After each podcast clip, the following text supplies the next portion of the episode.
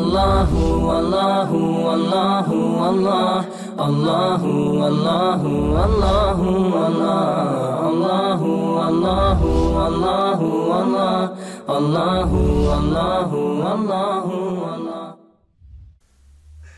الحمد لله رب العالمين والصلاة والسلام على أشرف الأنبياء والمرسلين نبينا محمد وعلى آله وصحبه أجمعين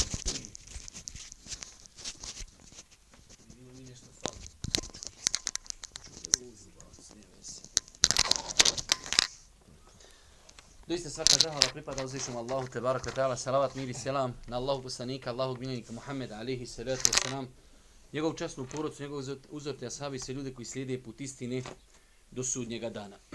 Uvažna braćo, evo nas, ponovo se vraćamo u našem projektu Čitaonije, četvrtkom posle jacije namaza, u kojem smo već imali priliku da se družimo sa nekoliko knjiga. Posljednju knjigu koju smo čitali i nismo i završili jeste knjiga namaz radost stoka moga, došli smo do e, 203. stranice, odnosno 204. greške u namazu. U svakom slučaju, mi se vraćamo pa ćemo najvjerojatnije gledati da do Ramazana završimo ovu knjigu.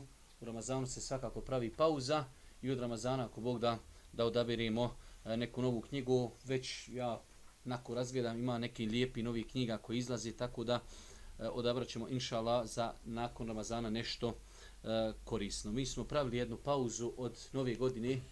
Vjerujem da velik broj vas, ako ništa zna da je bila neka zimska škola islama, vjerujem da oni koji su pratili su spremni, uskoro ćemo imati ispite, idemo na umru, tako da spremite se, palite motore. Mi se, ako Bog da, e, da ne pravimo nikakav uvod, vraćamo. E, do sad smo govorili, govorili smo o o teškoći grijeha ostavlja namaza i nakon toga počeli smo govoriti o greškama, greškama koji se vezuju za određene postupke i badete prije namaza, došli smo konkretno do namaza. Greške koje ljudi čine baš nakon što stupe u namaz. Pa da vidimo šta nam se kaže. Greške u namazu. Pošto je namaz veoma opširan ibadet i da u najmanje sitnice preneseno do Allahovog poslanika, salallahu alaihi veselem, u praktičnom smislu vidjet ćemo da je mnogo grešaka koje klanjači čine, a koje se vezuju za način njegova obavljanja. Na početku smo spomenuli da greške koje ćemo tretirati nisu na istom nivou, što je veoma bitno da čitalac razumije kako bi se shodno tome i odnosio prema njima. U nastavku ćemo spomenuti nekoliko možda najbitnijih grešaka koje ovdašnji klanjači čine u toku namaza, trudjeći se da izbjegamo pitanja koja nisu potrebna našem podneblju, te da onima u kojima učenjaci imaju oprečne stavove pristupimo s maksimalnom tolerancijom i oprezom.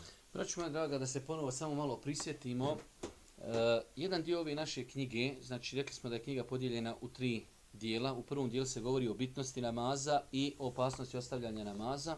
U drugom dijelu se govori o greškama i treći dio govori o praktičnim načinima kako i na koji način postići skrušenost u namazu. ja sam u uvodnoj riječi, a i poslije nekoliko puta smo to pojašnjavali, da E, ima ljudi koji prigovaraju tome da se spominju greške kao da je tu jednu ruku kao jedan vid provokacije. E, prva stvar kazali smo da je praksa Allahu poslanika ali selam bila da kada bi vidio ljude da griješi, da bi mu ukazivao. Mi danas, znači vi ako ćete otište na džumu i fino se naslonite negdje, negdje nazid i gledajte kako ljudi klanjaju pa ćete vidjeti.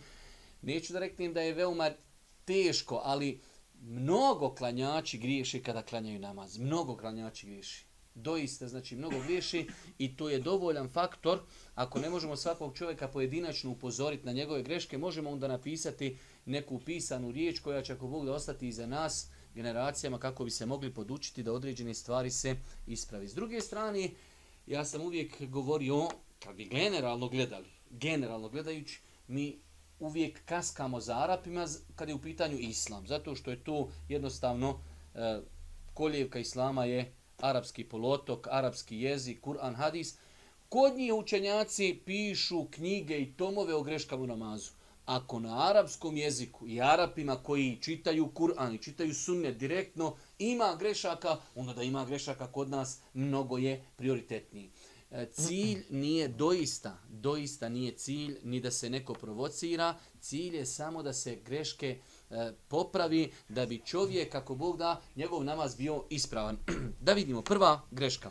neispravno izgovaranje početnog ili bilo kojeg drugog tekbira u toku namaza. Uh -huh. Dio ljudi prilikom stupanja u namaz ne izgovara potpuno ispravnu riječ Allahu Ekber, što je uvjet validnosti namaza. Spomenut ćemo nekoliko najuočljivijih grešaka vezanih do donošenje tekbira u, namazma, u namazu riječima Allahu Ekber. Uh -huh. Pod A. Oduživanje prvog harfa u imenu Allah je apsolutno neispravno. Obaveza je prvi glas A u riječi Allah izgovoriti brzo i kratko. Dodavanjem dužine na prvom harfu mijenja se značenje ove riječi. Znači da imate ljudi Allahu Ekber. Neispravno je to kao da je došlo E Allahu Ekber. Je li Allah najveći? Vidite šta znači malo samo nepažnja. Allahu Ekber. X neispravno. Allahu Ekber. Zato se piše šta sa hemzetom. Allahu Ekber.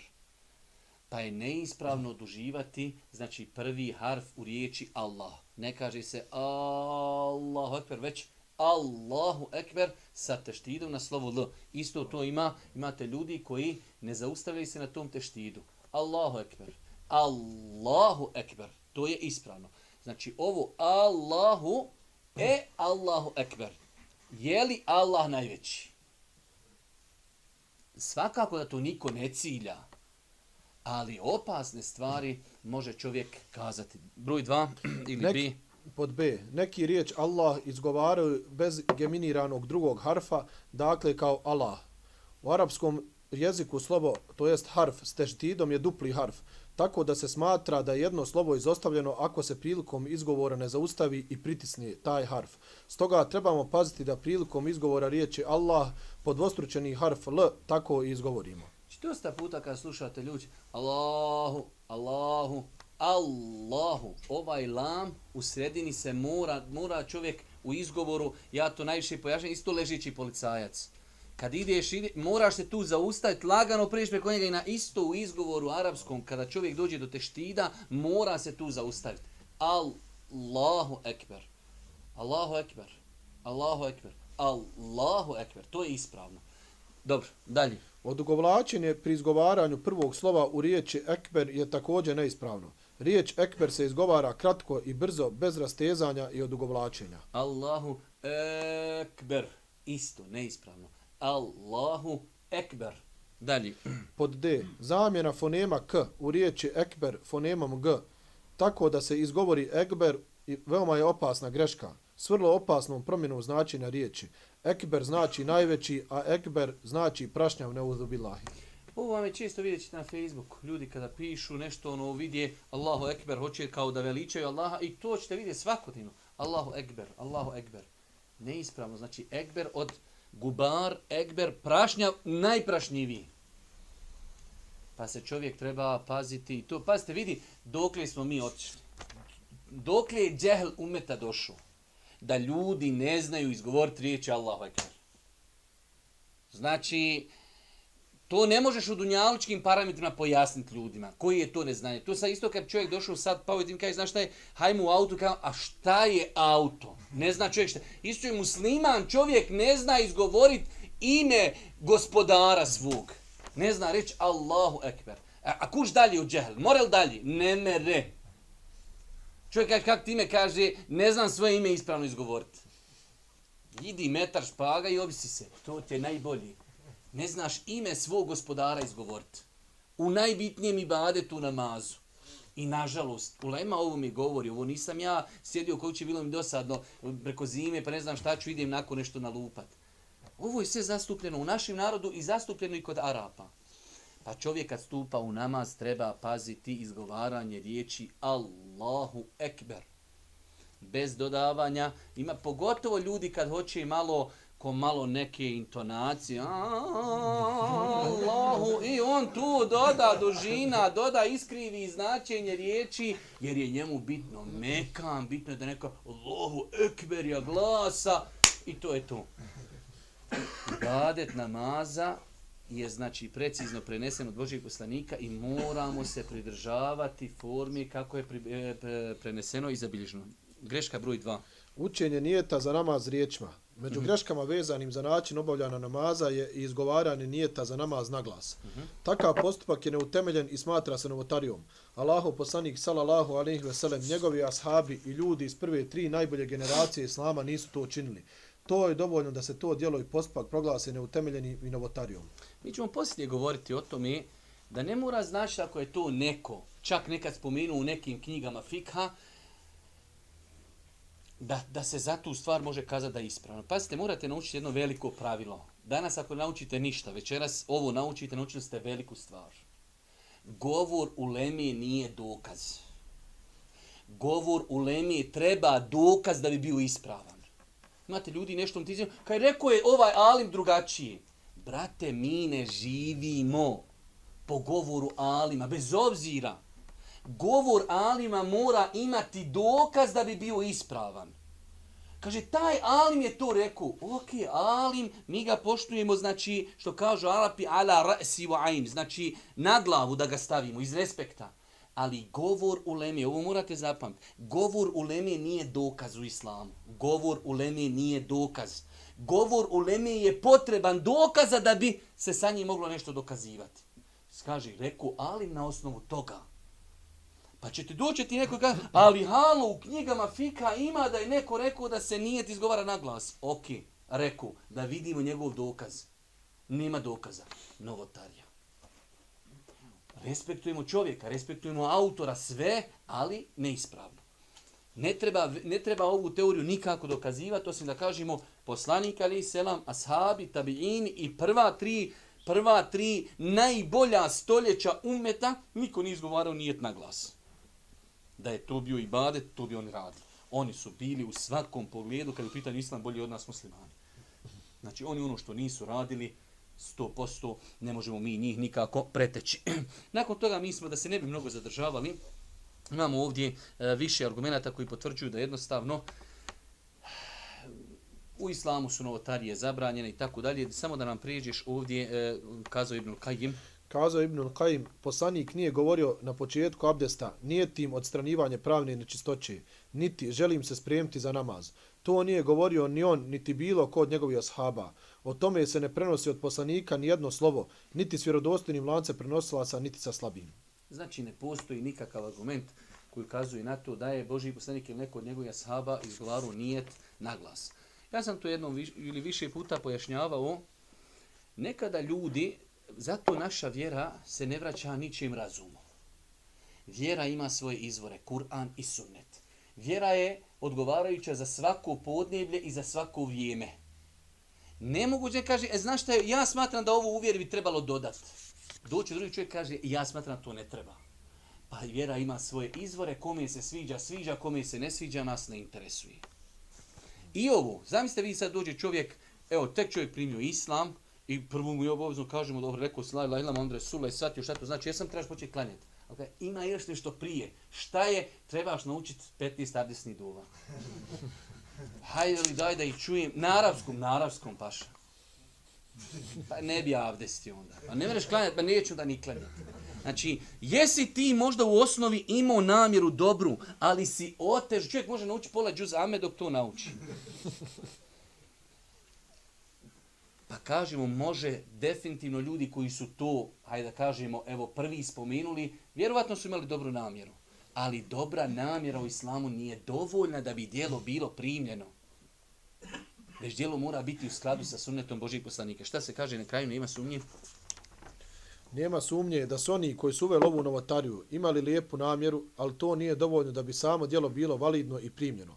S druge strane, Kolika je poteškoća insanu koji tek uči vjeru i kako treba klanjati kada čuje da mora naučiti toliko različitih nijeta i to sve na arapskom jeziku. Kada bi vrijeme koje provede učeć rašte vrste nijeta proveo učenju Kur'ana, koliko bi ajeta mogao naučiti? Vidite, samo uzmite, kad čovjek mora naučiti sabahski nijet sunneti farzi, podnevski nijet po, sunneti farzi sun sunneti, ikindija, akšam, jacija, dženaza, muško žensko dijete, muško odraslo, žensko odraslo, za više, muškarci, žene. Pa čoveče, ti sve tek ti nije te vjeruj da je to pola džuzamet, nisi mogu naučiti. A nije, nije to, Allah te nije time opteretio. Staneš u namaz, Allahu ekber, nije potrebi. Pa je znači e, izgovaranje nijeta riječima neutemeljena stvar, e, apsolutno. Dalje. Najveće greške u učenju Fatihe. Dobro. Naučivši Fatihu najbitniju suru iz Kur'ana, putem transkripcije veliki broj ljudi tokom njena učenja pravi određene greške, koje nerijetko mogu dovesti u pitanje i samu validnost namaza. Prije nego što spomenim najbitnije greške u Fatihi, smatram važnim spomenuti da je jedan savremeni učenjak napisao cijelu studiju o greškama koje učači Kur'ana pravi učeći Fatihu, pa je spomenuo 186 grešaka, što nedvojbeno ukazuje na našu potrebu za objašnjavanjem ovog pitanja. Čovjek na arapskom jeziku napisao knjigu na arapskom Arapima, u kojoj je tretirao 186 grešaka koje Arapi pravi kad uči Fatihu. Šta misliš da je njega dovesti s nama?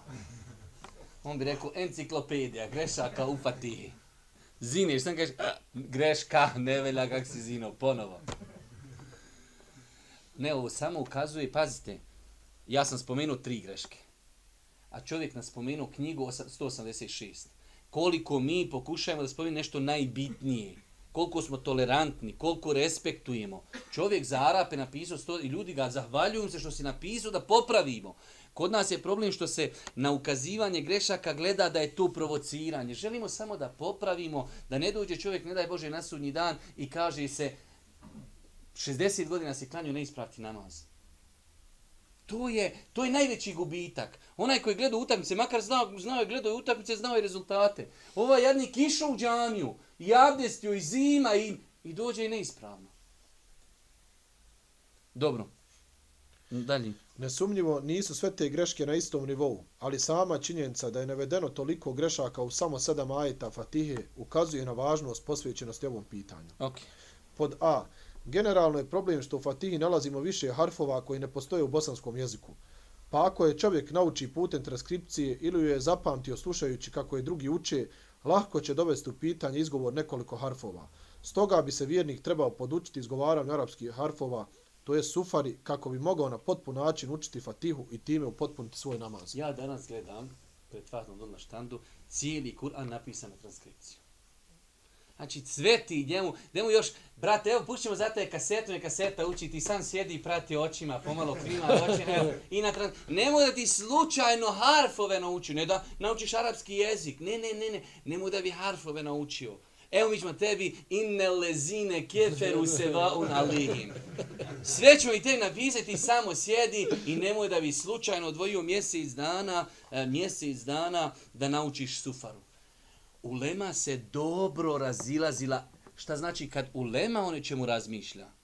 Kad su tek ljudi htjeli prevoditi Kur'an sa arapskog, bilo je ulemije koja je žestoko to zabranjivala. Iz tog razloga nije problem da se Kur'an pokuša prevesti kao značenje, ali ljude na taj na, aha, a što bi ja učio arapski? Imam ja sve to prevedeno na bosanskom. Sam ja slušao čovjeka na internet, kaže, to meni kaj Fatiha se uči na arapskom, kad nekako mi tu, što mi tu moram na arapskom, kad, prvo to na bosanskom. More, moraš li, moraš biti programer za informatiku na bosanskom? O jok, pa moram znati engleski. E, moraš znati arapski, gospodine, da bi klanju namaz. I mi ćemo njemu inneledine keferu, mi ćemo njemu finu transkripciju, upalimo kasetofon, uplati hatmu, uplati mevlu, cijedi, kod kuće u džennet. Još kaj trebaš ući u džennet, ne me na nosilima uneste, ne, nemoj Boga da pješke ide. Mogu li hurije doći po mene, s hitnom, evo vozimo te i kisik ćemo ti još udati.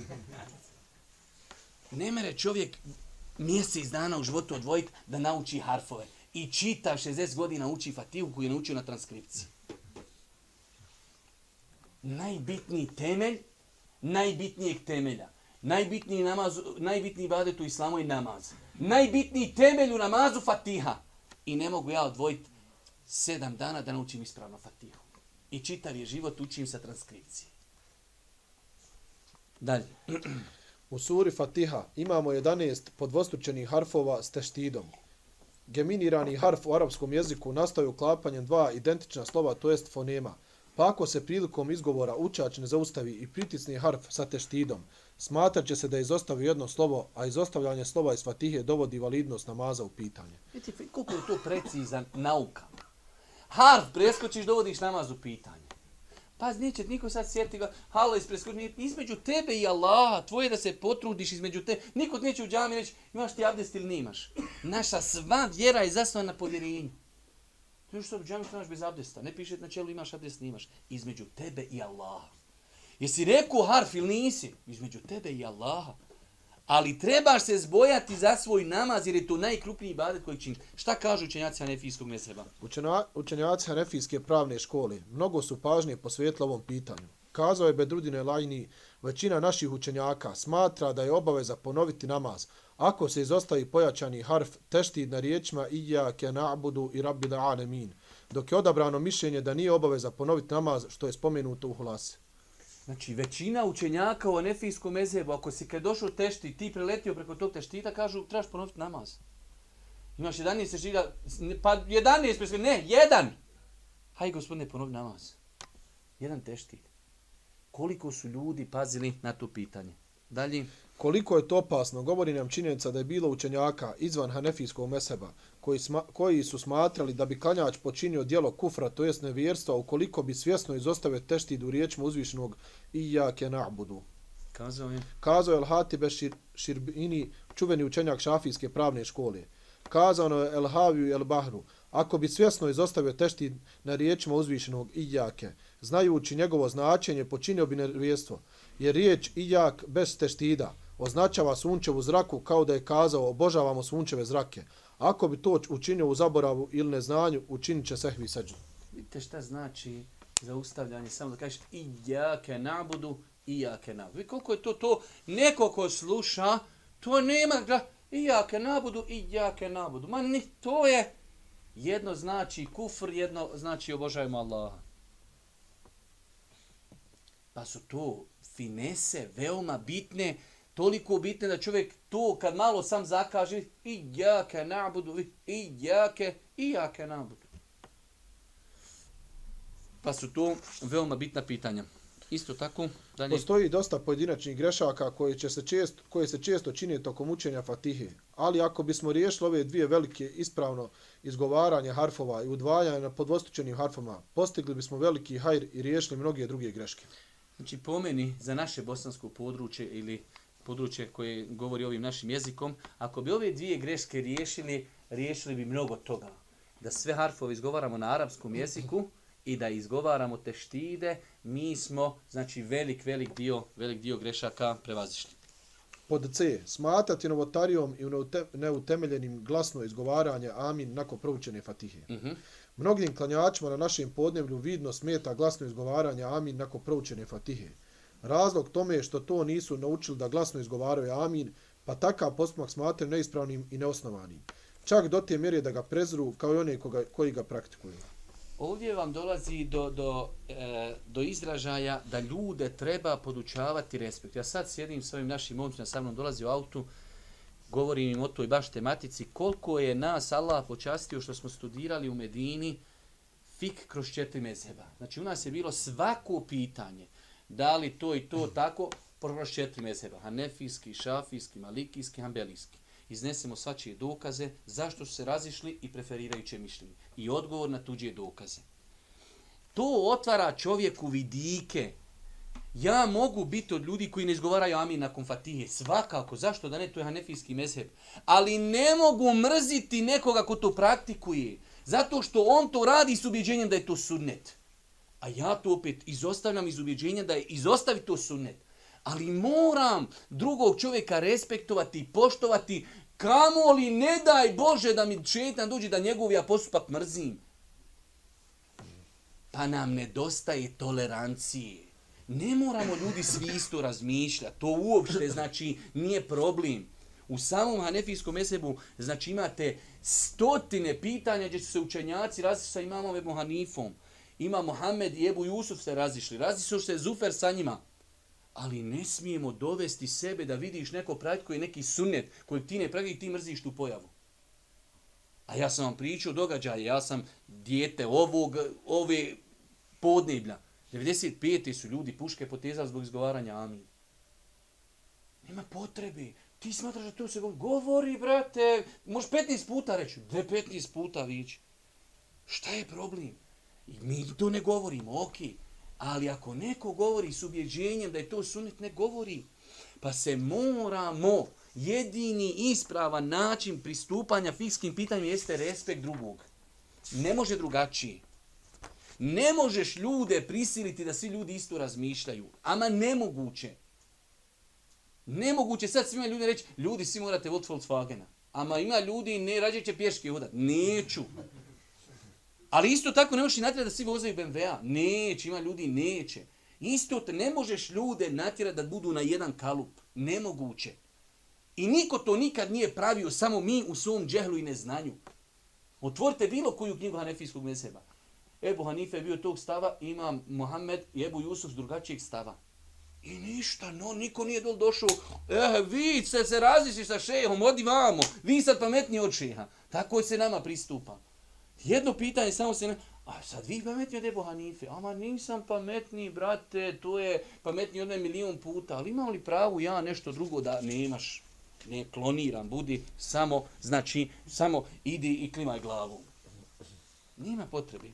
Dalje. Tačno je da Hanefijski mesec smatra da se Amin nakon Fatihe ne izgovara na glas već u sebi. No tačno je i to da je veliki broj učenjaka ovog umeta glasno aminovanje nakon proučene Fatihe smatrao sunetom pohvalnim postupkom. Oni koji su smatrali da se Amin izgovara na glas, svoj stav su argumentovali mnogim hadisma Allahovog poslanika sallallahu alejhi ve sellem.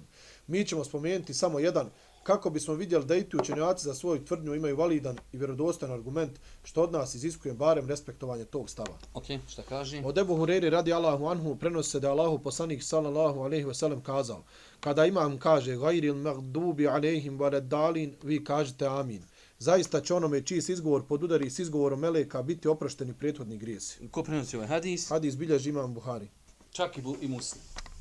Znači, hadis u Buhari, ljudi koji tvrde da se govori amin, naglas imaju hadis u Buhari. Ok, ti se možeš sa tim ne složiti i možeš to ne prakticirati. Ali treba da jedni drugi uvažajemo i respektujemo. Dalje. Shodno citiranom hadisu, smatram da je sunet izgovarane riječi amin na glas. Ali isto tako smatram da praktikovanje ovog suneta ne treba biti razlogom prepirke i mržnje među muslimanima. Oni klanjači koji smatraju da je to sunet, trebaju razumijeti one koji nisu navikli na to i biti spremni da to ne praktikuju kada su sami u džamiji u kojoj se to ne praktikuje. S druge strane, treba podučiti one koji nisu navikli na to da je riječ o stavu velikog broja učenjaka, da ne smijemo prezirati nekog samo zato što praktikuje i da se moramo privikavati na fikske razlike. Dobro. Kao što nam na hađu u Mekki ili u Medini ne smeta što neko pored nas u namazu diže ruke, a mi ih ne dižemo i nismo navikli na to i kao što neko pored nas naglas izgovara amin, a mi u sebi, pa nam to ne smeta, tako nam ne treba smetati kada na taj način klanjamo u našim džamijama. Dalje. Pod tri. Smatati dizanje ruku u namazu novotarijom i neosnovanim postupkom, te zbog toga prezrati oni koji to čini. E, ovo je slično pitanje, nećemo se mnogo zadržavati, koji hoće i mogu detaljnije ovdje čitati. Isto je pitanje dizanje ruku u namazu i amin. Isti je kalup. Hanefijski mezheb smatra se ruke ne u namazu i to je stav i treba ga respektovati. Ali isto tako imamo velik broj ummeta, velik broj učenjaka, velik broj e, znači ljudi kroz historiju koji su dizali ruke u namazu. Zasebna dijela napisana o tome, Imam Buharija napisao o tome zasebno dijelo. Samo se moramo respektovati. Vjerujte, ja klanjam, ni da se sad nešto falim, ne znam ko pored mene klanja. Je li rekao amin? Nije. Je li digo ruke? Nije. Ne interesuje me uopšte. Imate ljudi, on sa kraja safa vidi tamo onoga zadnjega ako diže ruke ili ne diže. Ako miće prstom, ne miće. Brate, nisi došao da si stražar kako ko klanja. Ne, hvala Bogu, hajmo se toliko sekirat za one dole sad na sebi što ne klanjaju nikako. Kamo sreće da se toliko sekiramo za njima. Za onima koji nikad u džamiju nisu ušli. Neka čovjeka ne klanja kako hoće, šta je problem? Ali moramo, moramo, eh, braću moja draga, moramo se učiti toleranciji. A toleranciju nas mogu naučiti samo učeni ljudi. Ljudi iz mase ne znaju sami, ne znaju te stvari svat, ali moraju to čuti od svojih autoriteta da bi jedni drugi respektovali. Ova, mm, znači, kako se zove, tačka je ista. Dalje, broj četiri. Preticanje imama. Preticanje imama u namazu česta je greška klanjača našeg podneblja, pogotovo starijih osoba. Takav postupak strogo je zabranjen. Allahu poslanik sallallahu alejhi ve sellem rekao je: Zar se ne boji onaj koji podigne glavu namazu prije nego što to učini imam, da mu Allah glavu neće pretvoriti u glavu magarca ili da njegov izgled neće izmijeniti u magarče? Znači vidite ovaj hadis koji je jedna velika žestoka prijetnja Samim tim isto ga proizvili da je ovo veliki grijeh. Jer prijetnja da ako neko tako radi treba da se boji da mu Allah može glavu izgled zamijeniti u glavu izgled magarca. Najveći problem kad imate ljudi kad naviknu klanjati za jednim imamom i onda se promijene, a oni klanjaju za njim 5, 6, 7 godina i jednostavno dobiju ritam. I sad čovjek dođe neko ko je novi, malo u nekom momentu kasni. Ja sam gledao ljudi, oni su naučili Semi Allahu limen hamide, rabina velike, Allahu ekber. I imam ostali sam još dvije sekunde gore stojeći. Ne, paša, čitav saf je ošao prije njega. Oni su naučili Semi Allahu limen hamide, rabbena velike hamdi. Neće, jelonošu. Nije. Idemo. Zato što se klanja automatski. A sahabi kažu u hadisu Buhari i muslima, lem jahni minna ehadun vahrahu.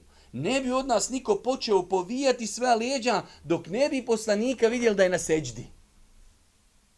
Tek tada, tek tada klanjajući klanjaju za, klanjaju, kreću za imamom.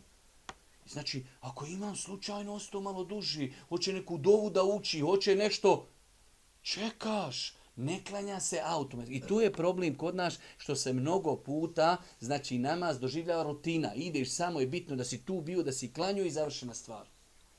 Pa se namaz, znači klanja, povodimo se za imamom. I vidjet ćemo sada, malo rezimiramo, ćemo pokušati da postoji četiri verzije našeg odnosa prema imamu. Možemo za njim kasniti, možemo sa njim zajedno raditi djela, možemo ga preticati i možemo, znači, možemo raditi prije njega, možemo zajedno sa njim, možemo ga predsati, možemo kasniti. Četiri dijela u odnosu na imama. Samo jedno ispravno, a to je da radimo iza imama. Da vidimo šta se kaže. Ono od crnog. Jes, jes, islam. Islamski učenjaci spominju da se klanjač, to jest muktedija, u toku zajedničkog namaza može naći u jednoj od četiri situacije. Pod A, da namaske radnje obavlja prije imama, pod B, da namaske radnje izvršava istovremeno s imamom, pod C da slijedi imama i pod D da zaostaje za imamom u obavljanju namaskih radnji. Dobro, da vidimo. Svaka varijanta ima svoje propise koje ćemo spomenuti rezimirano bez detaljnog razmatranja. Obavljanje namaskih radnji prije imama. Ukoliko klanjač obavi neke namaske radnje prije imama, na primjer ode na ruku ili seđdu prije imama, ili se podigne s rukua ili seđde prije njega, počinio jasni haram. Allahu poslanik sallallahu alejhi ve sellem rekao je Ovaj hadis smo je citirali. Znači, preticati imama je haram. Sad imamo drugu stvar što mi dovodimo i svoj namaz u pitanje samim tim. Znači činimo haram i dovodimo svoj namaz. Čak imate ljudi donese početni tekbir ako doneseš prije, počet, e, prije imama, nisi stupio zajedno za njim uopšte u namaz. Ti klanjaš sam, na filu klanjaš. Jer ne možeš ti reći Allahu Ekber, on te govori Allah. Ti trebaš reći Al ila kebbera fe kebbiru. Kada on donese tekbir, vi donesete tekbir nakon njega. Vidite koliko su tu precizna pitanja vezana za namaz. Pa čovjek treba da odvoji vremena, da se poduči ovim pitanjima kako ne bi svoj namaz dovodio u pitanje. Hajde, samo da vidimo. Znači, obavljanje namaske radnje isto, isto imeno sa imamom. Da vidimo šta kaže. Za klanjača koji namaske radnje obavlja istovremeno s imamom može se kazati da ne slijedi sunet Allahov poslanika sallallahu alihi veselem, koji je preporučio da se namaske radnje izvršavaju neposredno nakon imama. Klanjač koji ovako postupa dovodi sebe u situaciju da sumnja je li dijelove namaza obavio prije imama ili ne.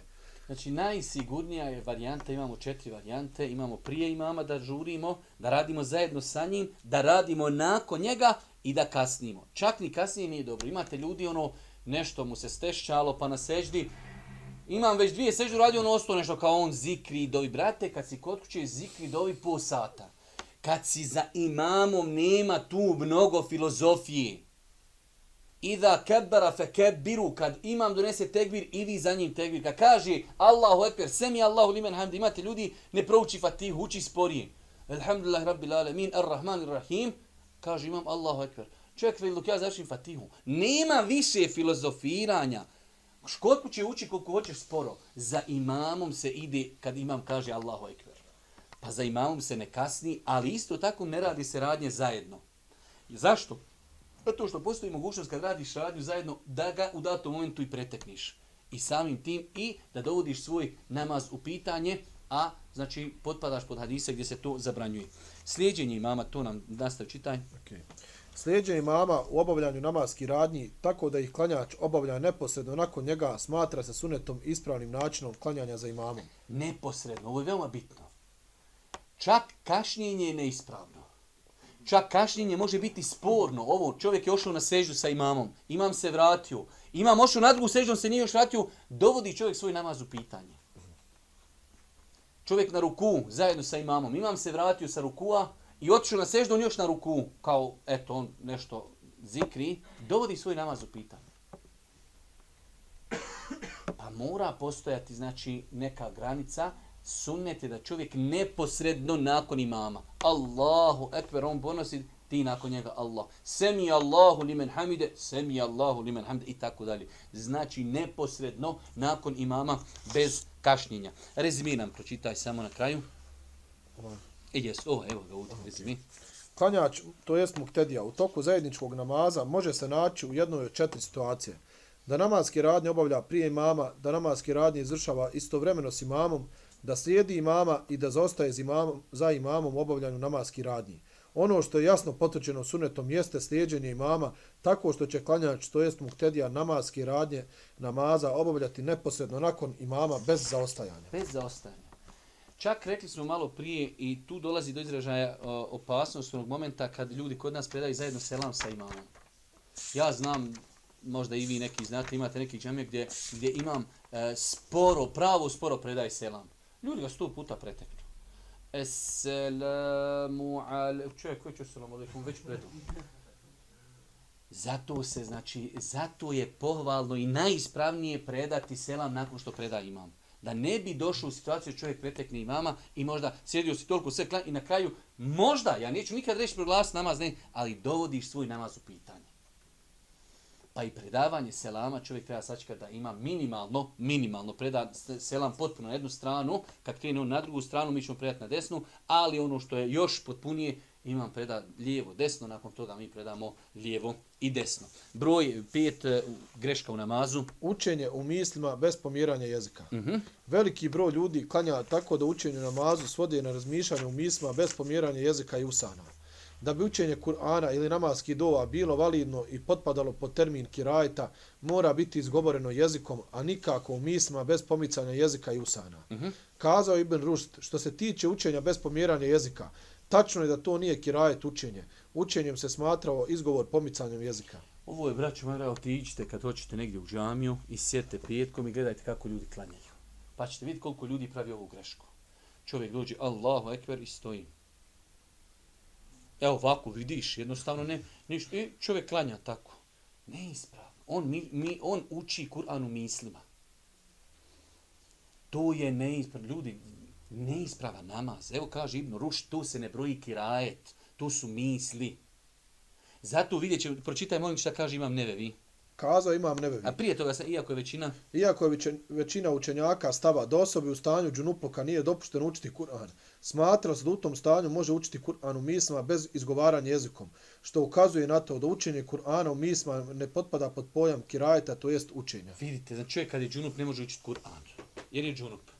Većina učenjaka kaže čovjek kako je džunup može u mislima tako da uči Kur'an. Sjedi čovjek i uči Kur'an, ponavlja. Zašto? Jer se to ne broji učenje.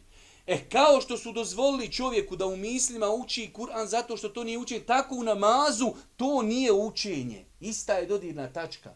Čovjek u namazu ako ne miće jezik i ne miće usne, ne broji mu se kirajet.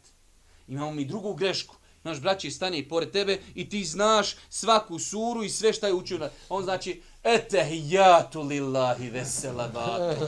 I ti onda znači, etehijatu lillahi. Malo malo kada, eselamu alike. I ti, ti bi on došao do kada i ti moraš se vratiti, on te pored, eselamu alike. I ti selamu alike. I ti svaku, znaš ti on, kul huvallahu ehad. I ti, kul, I ti za njim učiš kul huvallahu ehad. I to je neispravno neispravno je nekog ometati uči, ali čovjek mora micati usne i jezik prilikom izgovora učenja Kur'ana. Da nikog ne ometa, znači opet je to sredina. Imamo da učiš u mislima, ima da učiš da trojica tamo i trojica vamo znaju šta ti učiš. Treba da ti sam sebe čuješ. Jedino imaš ljudi sad malo bolije i uši ne čuju, pa onda bi sebe čuo, još trojica tamo uspućuju. To je sad njegov problem. Znači čovjek treba da miči ustima i jezikom prilikom učenja Kur'ana. Učenje u mislima zatvorenih usta se ne broji učenje. Ljudi, znate koliko ljudi ima pravi tu grešku? Procentualno, samo Allah Đelšanu zna koliko ljudi pravi tu grešku. Dalje, broj, če, broj šest, da završimo ovo poglavlje, inšala. Okretanje u namazu. Mhm. Često vidimo kako se ljudi zakreću u namazu i razgledaju lijevo desno, što ih sigurno dekoncentriše i udaljava od skrušenog obavljanja namaza. Uh -huh. A Iša radi Allahu anha prenosi da je upita Allahov poslanika sallallahu alaihi veselem o okretanju u namazu, pa joj je odgovorio, to je vješta otimačina, ono što šetan uspije ukrasti od čovjekovog namaza. Otimačina, šetan čovjek kada je koncentriš, čovjek kada gleda, preda se, on se koncentriši. Ti ide kvako pogledaš, odmah se, Oj, Đeli ovaj duk srcu kupio. Šitan tebe, od dok teđe pogledaš. On to što si ti pogledao, on će kroz taj moment tebi ući u razmišljanje. Pa kaže Boži poslanik, to je vješta oči otimačina. Jedino je rješenje da čovjek gleda preda se, da se koncentriši. Bilo koje zakretanje glavi, znači čovjeka minimalno, minimalno dekoncentriši u namazu. Dobro, nastaviš da kaži. Od pitanja koja se vezuju za pogled u namazu, klanjač bi trebao znati sljedeće. Uh -huh. Da je propisano tokom cijelog namaza gledati u mjesto seđde, osim kada sjedi na etahijatu, pri čemu je propisano da gleda u kaži prst desne ruke. Sve spomenuto potvrđeno vjerodostojnim dokazima i sunneta Allahovog poslanika. Znači, šta bi čovjek trebao da zna? Da tog cijelo vrijeme namaza klanja da gleda gdje će činiti seždu. Osim kad uči etahijatu, tada se gleda u kaži prst da li će micati ili samo znači pokazivati kaži prstom, to je sad pitanje razilaženja, ali znači gleda se u kaži prst. Snajte hijatu. Mimo toga cijelo vrijeme se gleda u seždu. Broj dva. Strogo je zabranjeno da klanjač u toku namaza podiže pogled u nebo. Uh mhm, -huh. Šta kaže? Enes radi Allahu anhu prenosi da Allahu poslanik sallallahu alaihi ve sellem rekao šta je s nekim ljudima pa u toku namaza pogled upiru ka nebu. Nakon što je to najoštrije osudio, rekao je ili će se okanti toga ili će im vid biti oduzet. Znajte prijetnje. Vi imate ljudi kod nas, su leuhe gore gleda, čita, razgleda. Kako je vrijeme, nam će sunce, će li sjeno pokisniti. Kaže, šta je ljudima podižu pogled prema nebu? Ili će to oni ostaviti, ili će im se pogled ukočiti, bit će im uzeti pogled. Pogledajte kakve teške prijetnje.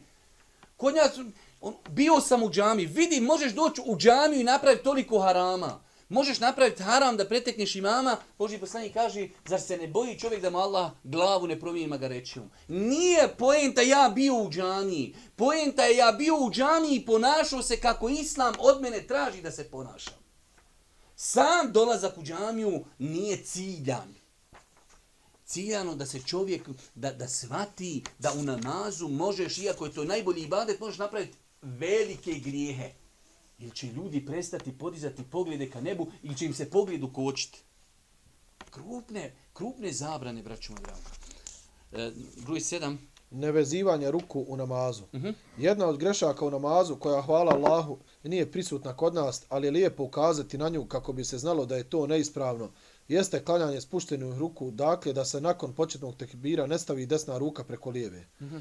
Od Sehla ibn Sa'ada radi Allahu anhu prenosi se da je kazao, Ljudima je naređivano da u namazu stave desnu ruku na podlakticu lijeve. Uh -huh. Od Ibn Abbas radi Allahu anhu prenosi se da Allahu poslanik sallallahu alaihi ve sellem rekao Nama poslanicima je naređeno da odgađamo sehur, da požurujemo s iftarom i da u namazu desnicama uhvatimo ljevice. Mm, još ovo, za kraj treba. Treba napomenuti da je vezivanje u ruku u namazu pohvalan postupak koji ne utječe na ispravnost namaza, ali vjernik treba znati šta je ispravno i sunnet, a šta ne, naročito kada određeni postupci postanu simbol za određene sekte, kao što je u današnjem dobu svojstveno rafidijama, šijama da klanjaju spuštenih ruku. Stoga vjernik treba znati da je to što klanjaju na taj način suprotno sunnetu Muhammeda sallallahu alejhi ve sellem i svih prethodnih poslanika. Znači, opet čovjek mora biti munsif, mora biti pravedan. Vezivanje ruku u namazu je sunnet, što znači čovjek kad klanja spušten ruku, njegov namaz je ispravan. Tako da, znači, prvu stvar moramo znati da to ne uvjetuje na ispravnost namaza. Ali s druge strane, danas je to postala odlika, jer ima rivajeta da u malikijskom mezebu ljudi ne vezuju ruke, ali Allah najbolje zna čak je malikijski mezeb je ispravno da se kod njih vezuju ruke. Danas je simbol postalo nevezivanje ruku samo za šije rafidije. Oni jedini klanjaju umetu spuštenih ruku. Pa je to nešto po čemu su oni prepoznatljivi, to je nešto što se kosi sa sunnetom svih prijethodnih poslanika. Došlo je u hadisu, kaže, nama poslanicima, nama poslanicima, svim poslanicima je naređivano da ljuke u namazu stavi e, desnu po lijevoj ruci, tako da, znači, klanjati spuštenih ruku je ispravan namaz, ali čovjek treba da kad neko kod njega klanja spuštenih da zna, elhamdulillah, pa me Allah uputio, ja sam na sunnetu Božeg poslanika, ovo nije u skladu sa sunnetom, ali namaz, elhamdulillah, ispravan. Broj 8. Jedna od grešaka zbog koje se često Naslov smatranje obaveznim učenje po rasporedu mushafa. Imamo znači jedan moment, a to je, nije to krupna neka greška, ali dolazi nekad, ja znam, e, znalo se praktično nekada desiti da ako neko predvodi ljude u namazu, pa eventualno rećemo, uči na prvom rekiatu kulhu valla, na drugom e, uči tebe tjeda. To je koda je, znači širk, pa da li ispod širka mali širk počino. Ok, možemo zato smatrati to nije, hajde da kažemo, što kažu Arapi, ma jemberi, kao ne doliči. Ali da li je to toliko krupno da treba reagirati, da treba oko toga praviti neku pumpu, a s druge strane vidjet ćemo jasni hadisi, poslanik se nije držao, nije se pridržavao e, radu da sura onako kako su u Kur'anu prilikom učinja Kur'ana. Pa, znači ovo sam vam sve ispričao da znate o čemu se radi. Jedna od grešaka, Jedna od grešaka zbog koje se često vodi rasprave je uvjerenje da klanač u namazu mora učiti sure prema rasporedu po kojem su zabilježeni u mushafu, od Fatihe el Bekare do sure En Nas. Učenje Kur'ana u namazu po redosedu mushafa zasigurno je pohvalan i lijep postupak, ali da li je obaveza ili onaj ko to ne čini napravio prekršaj. U vjerodostojnim hadisma zabilježeno je da Allahov poslanik nije učio sura u namazu po rasporedu sura u mushafu, što je jasan dokaz da to nije obaveza. Da jeste, ne bi Allahov poslanik postupao suprotno tome. E, ovdje imamo najtuži hadis koji izbilježuje muslim kada je Huze, e, kada je Huzefa radijallahu ta'ala klanju sa Božim poslanikom pa kaže Boži poslanik je počeo učiti Bekaru pa nakon toga je proučio En Nisa pa je proučio e, Ali Imran. Znači proučio je Bekaru pa ošao na treću suru pa ošao na drugu suru. Znači nije učio po rasporedu. Da vidimo šta kaže e, komentaršujući citirani hadis. Komentaršujući citirani hadis koji također bilježi imam En-Nesai, poznati učenjak Hanefijskog meseba imam Ebul Hasan Sindi je kazao, iz riječi potom je otpočeo učiti suru Alu, Alu Imran, proizilazi da nije obaveza držati se redoslijeda sura prilikom učenja Kur'ana. Znači ovaj hadis bilježi imam Nesaija. Ovaj šeh Esindi ima jedan poznati mali komentar na, na Nesaju, znači Hašjetu Sindi, i on tu komentarišući spominje ovaj propis. Kada je znači taj hadis da je Huzefa radijallahu ta'ala klanio sa Božim poslanikom, pa je poslanik učio Bekaru, pa en nisa palu Imran, nije se držao rasporeda, kaže to ukazuje da nije obavezno se držati rasporeda. Ok, lijepo je se držao, ali ako neko napravi da drugačije uči, ne treba od toga praviti neki veliki problem. Da vidim šta kaže još dalje, e, ima li ovdje negdje govori mama nevelja? Nema. Ništa, rezime. Rezime, prilikom učenja Kur'ana insan će se pridržavati redoslijeda sura spomenutih u mushafu, ali ako to ne učini, nadamo se da nije pogriješio, ne treba ga kritikovati jer citirani hadis jasno ukazuje da je to učinio Allahu poslanik. Ok, idemo broj 9. Davanje prednosti starijim nad mlađim i učenijim pri odabiru predvodnika u namazu. Ovo nam se zna zaista dešavati počesto i vjerujte da neka čovjek, ja znam da će to neko smatrati pretjerivanjem, ali staneš u situaciju da ne znaš da li namaz klanjati ili ne. Dođeš u džamiju, e, Efendija iz opravdanog razloga kasni ili taj dan je možda slobodan i u džamiji dolazi čovjek da predvodi ljude koji naučio učiti Fatihu na transkripciji. I za njega imate ljudi koji znaju 5, 10, 15 džuzeva Kur'ana, ali on je tu neki poglavica, neki šerif, ajmo znaš šta je, ne smije niko prije njega stati u mihrab i čovjek čuješ kako uči, ne znaš Allahom se kunim šta bi ponovio namaz ili ne bi ponovio namaz. Zato što je to pravilo, on je tu neki šerif i to je to brate, imamo pravila u islamu, gledamo koje ashabi su bili ashabi, dolazi ashab koji imao, kaže, imao sam šest ili sedam godina. Kad su počeli klanjati namaz, hadis u Buhari, kaže, ljudi su pogledali pa su vidjeli da ja znam najviše Kur'ana. Sedam godina. Kaj, on sam zase kaže, bilo mi šest ili sedam godina. Pa su, kaže, kad demoni, naučio sam, kaže, od karavana koji su dolazile, prolazili pored naše kući, naučio sam 70 sura iz Kur'ana. I kaže, ja sam predvodio ljude u džematu. Do te mjeri toliko je bio malehan, kaže, kad bi ošao na ruku, otkla mu se noge, otkla mu se čak stražnica, pa su žene iza govorile, kaže, de, kaže, tom vašim mamu kupte neki ogrtač, nek fino klanja. 6-7 godina, ali zato što je bio najučeniji, ti ideš, ti treba da naš predvodiš u namazu. Kod nas paša možeš biti hafi sa deski rajeta. Ide ovaj prije tebe, pa ti se slikaj, bilo ti drago, ne bilo ti drago. Čovjek treba da zna, znači nije sporno da predvodi ljude u namazu, samo je bitno da čovjeku namaz je u osnovi ispravan. U osnovi ljudi ne bi trebali da se natječu ako zna, čovjek sebe zna kakav je njegov hal i stanje. Ako čovjek zna da ne zna sufaru, pa mene ne bi vjeru iz bagera mogu neko natjera da, da, da odim pred ljudi ako ne znam sufaru. Što moram ja dovoditi njihov namaz u pitan, koji je moj namaz problematičan, što moram njima dovoditi namaz u Neću ljudi dok ima još jedan čovjek u džami, ja neću ići pred ljude. Jok, samo ja u džami. Pa je to jedno e, problematično pitanje. Da vidimo šta se kaže. Mnogo puta sam bio u situaciji kada u odsustvu imama pred ljude izlazi neko ko ne zna pravilno učiti Kur'an. Na osnovu njegovog izgovora može se zaključiti da harfove ne izgovara na ispravan način. Problem se javlja kada znamo da u džematima dosta mladih ljudi koji se nalaktaju da uđu u mihrab, a čije je učenja visokom nivou, pogotovo usporedi s učenjem osobe koja harfove ne izgovara ispravno.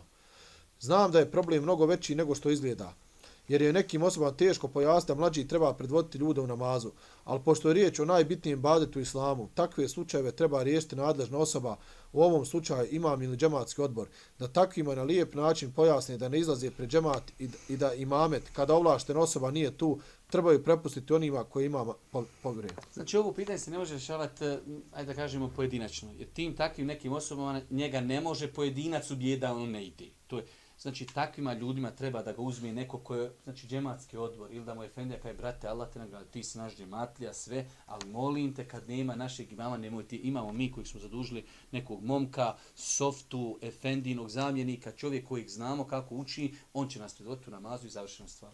E, te se stvari ne mogu pojedinačno rješavati jer je to skoro pa nemoguće. Ali treba takve stvari rješavati. Zašto? Jer se radi u namazu. Brate, da je pitanju radna akcija, ko će kopat kanal, ko neće, tu ćemo, kako, evo, aj kopaj, neće taj tu i kopat, on ne, druga neće zezan da prvi budi. Ali kad je u mihrab, on je tu prvi. Pa se takve stvari moraju. Dobro, šta kaže u Ashabe u namazu? Ashabe u namazu znao predvod dječak od sedam godina zbog znanja koje je posjedovao. Uh Mhm. -huh. U jednom dužem hadisu zabilježeno je da je Amr ibn Seleme kazao, kada je proučeni kamet, pogledali su i vidjeli da niko ne zna više Kur'ana od mene, koji sam naučio od prolazećih karavana, pa smo je postavili da im predvodim namaz, a tada sam imao šest ili sedam godina. 67 godina hadis bilježi imam Buharija. S druge strane, S druge strane, mnogi vjerodostojni hadis potvrđuju da ako imam džamije ili mezđida nije prisutan, ljude treba predvoditi onaj ko najbolje uči Kur'an i zna najviše sura. Uh -huh. Ebu Mesud Ukve ibn Amr el Bedri el Ensari radi Allahu anhu prenosi da Allahu poslanik sallallahu alaihi ve sellem rekao neke ljude u, neka ljude u namazu predvodi onaj ko zna najviše Kur'ana na pamet. Ako u tome budu jednaki, onda najučeniji u sunetu, pa ako i u tome budu jednaki, onda onaj koji je najprije, najprije hidžu učinio. Dosta. Ovo je generalno poznati hadis, je umul qavme qravmu li kitabillah. Postoji razilaženje u svatanju ovog hadisa, ali on generalno ga svataju da ljude treba predvoditi neko koji je najučeniji, ko najbolje uči Kur'an. Tako da znači e, treba tu praksu da neko ulazi u mihrab ko nije kompetentan, neko ko ne zna učiti e, osnove teđvida, osnove kirajeta, naučio je učiti Kur'an na transkripciju, treba te ljude znači sprečavati da ulazi u mihrab. Broj 10 i to inšala večerašnja zadnja greška koju ćemo spomenuti. Ostavljanje namaza tokom bolesti. Uh -huh. Veoma opasna greška vezana za obavljanje namaza je njegovo izostavljanje tokom bolesti. Dešava se da ljudi ne klanjaju u stanju bolesti pod izgovorom da nisu čisti, da ne mogu uzeti abdest, stajati, okrenuti se prema kibli i slično. Ovo što je problem, braćo moja draga, jer ovo govorimo opet su ovo neke opće greške u namazu, pa ćemo opet sad, na, nas, poslije će nas doći greške u ruku, u seždi i tako dalje.